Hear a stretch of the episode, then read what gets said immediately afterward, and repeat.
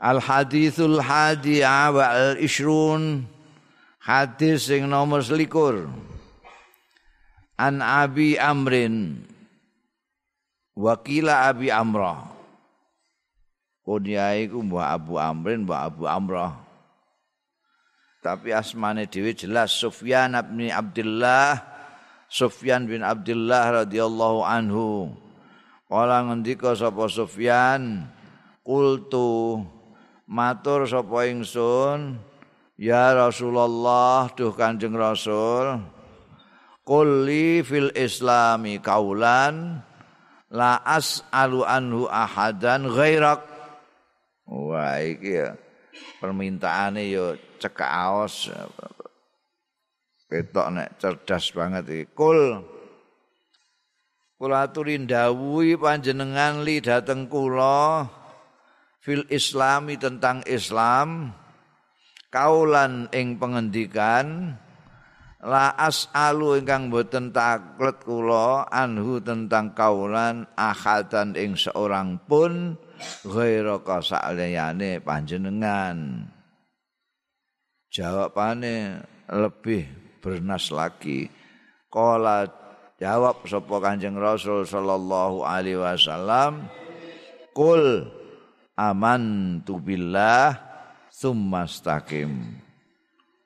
Ngucap sira aman tu billah iman sapa ingsun billahi kelawan Gusti Allah summastaqim mongko keri-keri jejeka sira istiqomah sira. Rawahu riwayatake hadis iki sapa muslimun imam muslim. Nanti sahabat Sufyan bin Abdullah iku nyuwun wek Kanjeng Nabi pengendikan sing kula jenengan dawuhi sesuatu tentang Islam sing mangke mboten badhe tangket malih kalih tiyang sanes. Hmm. Pun cekap nang jenengan. Jawabane Kanjeng Nabi cekak aos kul amantu billah tsumastaqim. Ngucap sira aku iman karo Gusti Allah. Terus tetep jejeg ngono kuwi. Jejeg ngono kuwi ya iman terus. Ora kok muni amantu billah kok mok ning omah tok, nek ning masjid tok, ning langgar tok, ning pengajian tok, nek ning pasar ora amantu billah. Ning bis ora amantu billah. Ning terminal ora amantu billah. Ning kampung liya ora amantu billah. Amantu billah iku dawuh Kanjeng Nabi Muhammad sallallahu alaihi wasallam ini sesuai karo dawuhe gurune. Apa gurune Kanjeng Nabi? Gusti Allah taala. Kanjeng Nabi gak ada guru gak tahu sekolah gak tahu ngaji. Gurune ya Gusti Allah taala. Gusti Allah taala dawuh iku apa iku Innalladzina qalu rabbunallah tsumastaqim. Iku banyak sekali ning beberapa surat itu mengga, apa gabungake antara iman menyatakan pangeran itu Gusti Allah terus istiqomah. Istiqomah itu jarene wong-wong sufi khairun min alfi karomah. Istiqomah itu ngungkuli sewu keramat. Kekeramatan itu apa? Banding no istiqomah ora apa-apa. Seper seribu. Istiqomah itu jejek. Nah supaya kue iso istiqomah,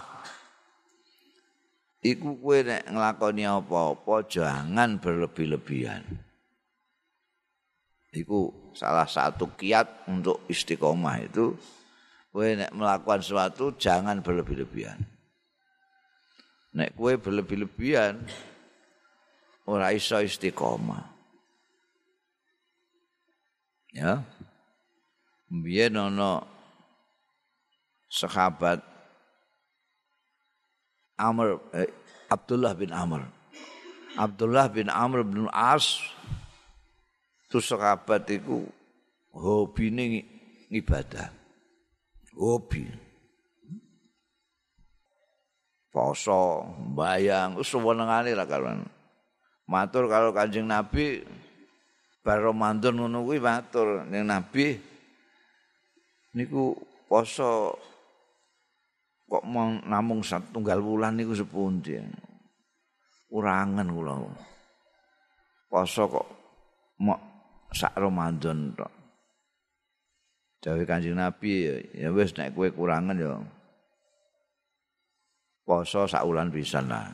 Mantun kok sawal poso sepisan. Zulqa'dah poso sehari. Zulhijjah poso sehari, setiap bulan poso nek. Wah, kecil nek semonten niku menapa mboten sing langkung sae malih. Ya nek iku kurang ya seminggu pisan lah, seminggu pisan. Napa mboten nonton sing langkung sae malih. Ya wis seminggu pemindo. Senin Kamis. Mboten nanti sing langkung sae. Poso nek kowe pengen sing luwih apik posone Nabi Dawud. Sedina poso, sedina mekak, sedina poso, sedina ora. Isih muni. Mboten sing langkung sae malih. Ora ono. Nah itu terus ya dilakoni manten apa jenenge anak muda pada waktu itu anak muda yang paling sergap ibadah paling seneng ibadah ya Abdullah bin Abdul Asid so, bareng wis sepuh eh, guyu dhewe memang aku kelingan Kanjeng Nabi Muhammad sallallahu alaihi wasallam. Biyen aku iku dipremakno Kanjeng Nabi poso saulan sepisan ngantek seminggu ping mundu aku isih ngenyang terus ae. Biyen jaman enom aku poso ndaut ngene iki ya enteng. Saiki bareng wis tuwa ngene berat banget ya berat jadi ora iso terus istiqomah iku cek terus. Nome yang ngono tuan konsisten ya. Wis najan ora pati akeh tapi terus menerus. Kowe maca Quran angger bar maghrib bar subuh rasa akeh-akeh sak kebet ngono wae ya. Puluh ayat itu lebih baik daripada kowe sedina ngatamna Quran bariku leren. Nah, wis ora Quran neh. Alung kontinu terus istiqomah. Cecek. mempertahankan keimananmu di mana pun saja dalam cuaca apa pun itu istiqomah ora kok pendak ranti duit ning soft awal ya. Rada duwe duit sithik mundur mengistal soft loro. Tambah akeh duwe mundur meneh sop ketiga. Buatine akeh ilang gak kosop ora ora ning sop iku jenenge ora istiqomah. Istiqomah apik karo dulur sesuai dengan perintah Gusti Allah iku ya kudu istiqomah. Aja kok pendak bodoh tok ape karo dulur bar bodoh tukaran neh Dawe Imam Ghazali la khaira fi khairin la yadum bal syarrun la yadum khairun min khairin la yadum. Ya, ora ana apike apik sing tidak terus berlangsung malan elek sing tidak berlangsung terus itu lebih baik daripada baik yang tidak berlangsung terus apik sepisan terus leren kan. Alo ngelak sepisan terus kapok.